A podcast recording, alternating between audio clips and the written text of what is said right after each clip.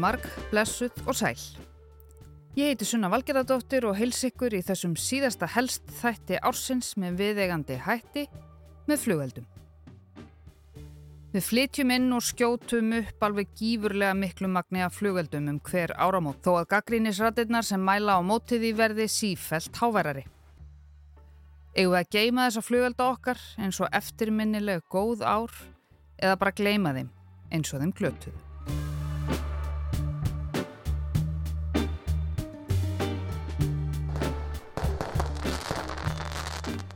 Við flytjum inn og skjótum upp gífurlega miklu magni af flugeldum um hver áramót þó að gaggrínisrattirnar sem mæla á mótiði verði sífælt háværari. Ég ætla að reyna að skauta breytt yfir sviðið, fræð ykkur um flugelda, segja frá þeirra helstu kostum sem eru auðvitað margir og göllum sem eru líka nokkrir og líta svo aðeins um auksl eins og við gerum gjarnan á áramótunum.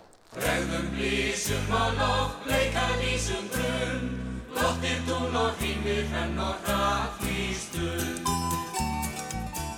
Flugeldarnir eru einn helsta tekjulind björgunarsveitan okkar. Það er búið að skrifa skýrslur og greinar, stopna starfsópa og nefndir til að reyna að finna einhverja lausn á þessu flugelda æði Íslandinga. En svo eins og allar evasemdir og gaggrínisrættir springi í loft upp í heiminkvolvinu í öllum regnbóans litum með tilherandi kvellum, dásamlegri flugeldalikt, skítrættum dýrum og svifriksmengum.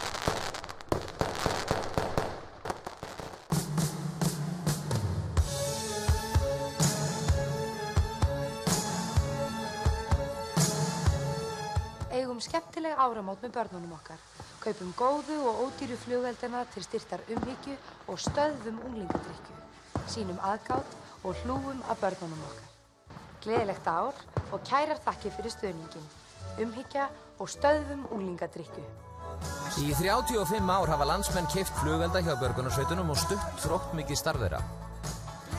Tekjur af flugeldasölu hafa staðið undir þjálfun sjálfbúðaliða og kaupum á búnaði og tækjum til björgunastarfa um land allt.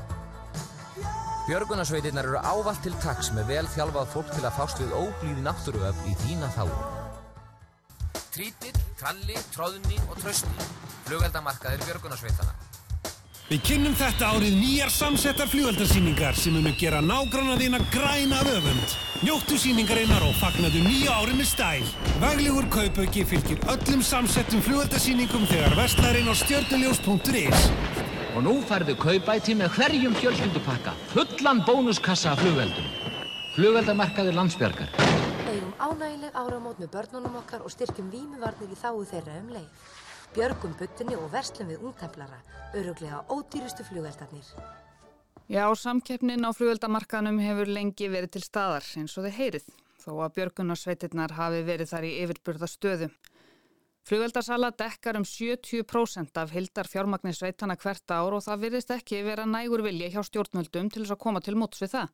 Þetta er svo litið eins og þarna með Rauðakrossin, S.A.A. og spilakassana. Salan er, hefur verið svona, svona svipuð síðustu árin. Eh, Finnum svo sem ekki fyrir einhverjum, einhverjum svaka samdrætti. Hann hvetur fólk til að nota aðeins gamlástað til að skjóta upp flugeldum en ekki dagana þanga til.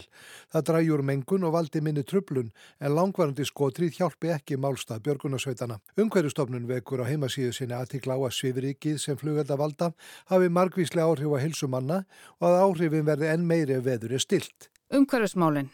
Eins og haukur benti þarna á hefur umhverfistofnun sérstaklega gaggrínt flugveldaskotrið Íslandinga vegna áhrifa á loftgæði og þar með viðkvæma hópa. Sem dæmi þá fór klukkustundastyrkur Svifriks yfir 3500 mikrogram um miðnetti 2018 en heilsuvendarmörkin eru 50. En áður en ég gríp ofan í skýrslu sem er alltaf vinsælt þá ætlum ég að útskýra aðeins hvað flugeldar eru eiginlega og hver er betur til þess fallin en ævar vísindamæður. Yfirleitt eru flugaldar búnir til úr tveimur aðskildum hylkjum. Annað er fyllt með grófu púðuri sem notað er til að skjóta flugeldinum upp í loftið en í hinu er fíngert púður sem veldur sprengingu eftir að flugeldurinn er komin á loft. Í setna hylkinu eru einni efni sem mynda liti þegar þau eru hituð upp. Kveikithráður flugeldsins kemur fyrst inn í hylkið með grófa púðurinu sem brennur hratt en springur ekki. Þegar púðurið brennur myndast heitt gas sem streymir út í gegnum pínulítið rör. Við þetta myndast mikill liftikraftur og flugeldurinn hann skýst upp í loft. Eldurinn sem myndast þegar grófa púðrið brennur kveikir svo í öðrum kveikithræði. Hann logar eins lengi og það tekur flugeldin að ná réttri hæð. Litadýrð flugelda fæst með því að setja ímiskonar málmflögur í púðrið. Takk fyrir þetta, Ævar Þór Benediktsson, vísindamadur. En nú er það skýrslan. Skotheldar eru tengdir áramótarskemtun Íslandinga og mörgum finnst þeir bæði fallegir og ómissandi á gamláskvöld og nýjársnótt. Svo hefð það hveði að gamla árið og fagnaði í nýja með skotheldum er um 60 ára gömul hér á landi en Íslandingar kaupa skothelda vegna skemtanagildist þeirra og flestir til að styrkja björgunarsveitir. Svona hefst niðurstöðukabli í skýrslu starfshóps stjórnvalda í mars 2020 um hvernig við eigum að draga úr flugeldamengun. Í hópnum voru formaðurinn Sigur Björg Sæmundsdóttir, Jón Gunnarsson og Þórólfur Guðnarsson sem þá var sótvarnalæknir. Þetta þrýjeki var sammála um að svo mengun sem verður oft um áramót að völdum skotelda hafi óæskileg áhrif á helsu margra. Augljósustu helsufarsvandamálin eru bráð áhrif á öndunar, hjarta og æðakerfi en sótvarnaleknir hafi líka áhyggjur af langvarandi helsufarsvandamálum sem eru ekki eins augljós eins og til dæmis þroska vandamálum barna og krabbamein. Aðrar slæmar afleðingar skotelda um áramót eru áhrif á líðan dýra sem verða oft mjög hrætt og herstar geta fælst með tilheyrandi slisahættu. Óæskileg áhrif á náttúru og umhverfi eru talin lítill. Í skýslunni segir að um 600 tonn af flugöldum séu flutt inn til Íslands á hverju ári og eru björgunarsveitirnar með um 70% af sölunni. Þórólfur sem þarna var sótvarnalæknir komst að því að marktæk aukning er á ávísunum öndunarfæralefja um áramót sem sínir að viðkvæmir einstaklingar byrja sig upp af öndunarfæralefjum vegna fyrirsjáanlegar loftmengunar. Meðal þeirra úrbóta sem hópurinn laði til er að þrengja tímamörkun um nótkunnflugelda, fækka söludögum, auka eftirlit, beita sektum og svo skipun annars starfsóps til þess að fjalla um fjármögnun björgunarsveitana. En varðandi löggjöfina, þá sínist mér í fljótu bræði Ísland vera frekar afslappað með að við önnur lönd hvað var þar kaup almennings á flugöldum. I know that you have bombs in, in there on 4th of July, but it, it is only, you know, small, little bombs. But here we have, we have those big, you know, bombs. Boof.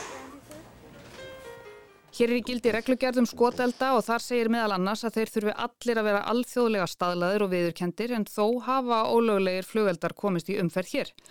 Láreglan let stöðva sölu á flugeldum fyrir áramóti 1994 sem voru stór hættulegir þegar áttu það til að springa í höfuðhæð. Það er búið að selja svo lítið að þessu og við viljum hvetja fólk til að skila þessu inn á þann stað sem það fjekk þetta á og þeir eru tilbúin til að láta það hafa annað í staðin. Þetta viljast vera eina tegundin á markanum. Það er að vísu önnur til með álpapír. Það er ekkert komið í ljósi sambandi við hann og hún verðist ekki hafa þessa hætti fyrir mig. Flugöldar hér eru í fjórum flokkum. Undir flokk 1 falla flugöldar sem mjög lítil hættast að var af til dæmis þeir sem eru ætlaðir til nótkunnar innandira. Þetta eru sem sé hurðarsprengjur, konfettibombur og svo leiðis fæst í partíbúðinni. Svo fer þetta stigvaksandi og undir fjörðaflokkin falla flugveldar sem eru mjög hættulegir og eru aðeins ætlaðir þeim sem hafa sérfræði þekkingu. Þannig flugveldar mega alls ekki falla í rángar hendur en það gerðist einmitt líka 1994. Það hefur verið brjálað að gera í flugelda undir heimunum það ár greinilega. Meðal þess sem stólið var, var mjög öflugt sprengiefni. Þetta hefur aðalega verið síningar efni sem að við notum, ætlum að nota hérna fyrir tvær síningar sem við verðum með og, og þetta er varningu sem er alveg stórhættulegur í höndu þeirra sem ekki kunna með að fara. En aftur til nútímans, börn undir 12 ára mega ekki kaupa flugvelda yfir höfuð. 16 ára aldurstakmark er fyrir flokk 2 og 18 ára fyrir flokk 3. Það má selja flokk 1 allt árið, innisprengjurnar muniði, en flokk 2 og 3 má bara selja frá 28. desember til 7. janúar og allt kostar þetta sitt. Og einni á heimasíðu landsbjargar er útlistun á helstu flugeldum sem björgunarsveitirnar bjóða upp á. Sýningin hefst á gullhölum sem springa í fallega pálma með rauðum blissum. Fljótlega breytast ljósinn í rauð og græn og taktfasta sprengingar aukast. Fjörið stigmagnast síðan og silfurlitaðar kvelvingar fylla heiminin með lituðum endum. Dýrðin endar síðan með brakandi silfurbólstrum þvílíkt augnakonfekt. Herleheitinn taka 52 sekundur. Á Wikipedia er listi yfir alvarlegustu flugeldarslis heims og þau eru mörg. Á toppnum með flest döðsföll trónir eldsvoðin í verslunamiðstöðinni Mesa Redonda í Peru 29. desember 2001 þar sem um 300 manns letu lífið. Eldurinn kviknaði eftir fljóðaldasinu. The sky is lit by explosions on a street lined with fireworks vendors. Incredibly, the horror begins when a customer lights a single firecracker. Um 250 létu lífið mest ungt fólk í eldsvoða í Kiss næturklúpnum í Brasilíu í janúar 2013 sem kviknaði sömu leiðis út frá flugeldum. Þetta er næst mannskeiðasta slis í sögu Brasilíu. Reports unconfirmed have suggested that someone on stage may have lit a flare or firework. Um 30 flugeldaversmiður hafa sprungið í loft upp í gegnum tíðina með miklu manntjóni. Það alvarlegasta varði Hunan í Kína 1996 þar sem 130 dói en verksmiðan var ólögleg. En þetta gerist líka nær okkur. Í november 2004 sprakk flugeldaverksmiðja nálagt Kolling í Danmörku. Einn slökkulismadur let lífið og 24 slösuðust en um 200 hús sprungu hreinlega í loftu. Klokken 17.45 sker det.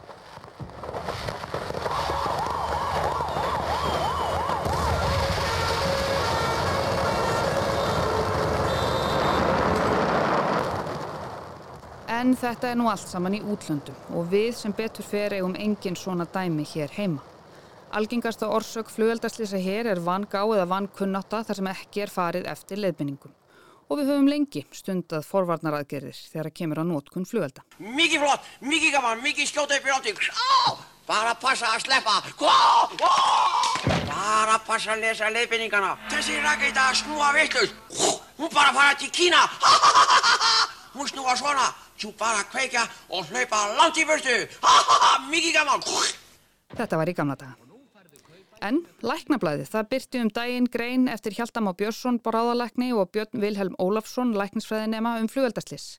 Á árunum 2010 til 2022 leituðu 250 manns til landsbítalans vegna flugveldaslisa. Þar voru karlar í miklu meiri hluta. Þau sem lendu í slisunum voru á aldrinum nýju mánada og upp í áttrætt, alls 114 börn og um 40% slisana voru rakinn til gallaðra flugvelda. Og inn á spítalan lögðust 22 sjúklingar vegna flugveldaslisa á tímabilinu, engin lést en að minnstakosti 13 hlutu varanlegt hilsutjón. Það þarf að ebla forvarnir gegn flugveldaslísum og íhuga að setja strángari reglur um notkun þeirra. Þetta segja læknandir. Og auðvitað hafa verið fluttar fréttir af flugveldaslísum um hver áramót. Hér er til dæmis einn frá 1998. Hátt í 30 manns slösuðust um áramótin þegar ákveðin tegund af kínverskum handblísum sprakk við notkun. Þessi maður slasaðist til dæmis alvarlega á hendi. Hann greip fyrir andlit sonar síns rétt áður en blís sprakk í höndum sonarins og fullvíst er talið að barnið hefði getað slasast lífshættulega. Þegar flugöldum er skotuð upp gefa þeir frá sér hita á bylinu 800 til 1200 gráður. Það er bannað að vera með flugölda á brennu, áfengi og flugöldar fara ekki saman, flugölda á að geima á þurrum stað þar sem börn á ekki til og það er ekki mælt með að geima það á milli ára. Aldrei geima flugölda í vasa, ekki einu sinni elspítunar. Og ef flugöldur springur ekki, skal ekki nálgast hann í nokkrar mínútur, ekki reyna að kveikja aftur í honum, heldur hellið yfir hann vatni. Það var svona smá forvarnar fræðsla. Ég heiti Dorit, ég nota alltaf flugölda glerauga. Þessi gleru, nýju gleru eru frábær. Ég hef notað flugöldagleru síðan kynverðarnir fundu upp púðrið. Fækkum aukslýsum og notum alltaf flugöldagleru. Gleðilegt ár! Og svo eru það eftirmálinn, dagurinn eftir partíið. Ár eftir ár hafa verið fluttar fréttir af flugeldarusli sem liggur á víð og dreifum allt eftir fólk sem tekur ekki til eftir sig. Þetta voru einu sinni flugeldar. Nú hafa þeir lokið lífi sín. Við Íslendingar sendum þá hvern á fætur öðrum út í nýstingskall næturlofti þar sem við löku lífi sínu í björtu ljósa regni. Þetta gamláskvöld föðruð upp í ljósa dýrð og sprengingum 200 miljónir íslenskra króna. Fyrir 200 miljónir er hægt að gera ímislegt. Það er til dæmis hægt að kaupa 40 miljón karmelur. Eða til dæmis við getum sendt ríkistjórnuna til útlanda á fullum dagpenningum í langan, langan tíma, kannski fyrir fullt og allt. hefur það nú ekki verið skynsamlegra.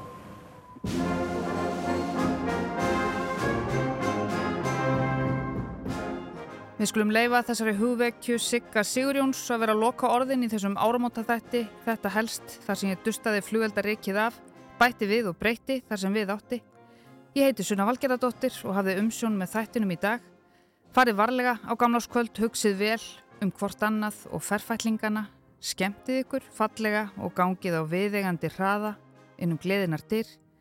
Gleðilegt ár, takk fyrir að hlusta á því sem nú er að líða og við heyrumst svo aftur á því splungu nýja 2024. Tánin átt á himni skipin, fölur og grá, líf og tími líður og lífið er nú á. Bregðum blísum á loft, bleika lísum grunn, lottir tún og hýmir henn og hratt í stund.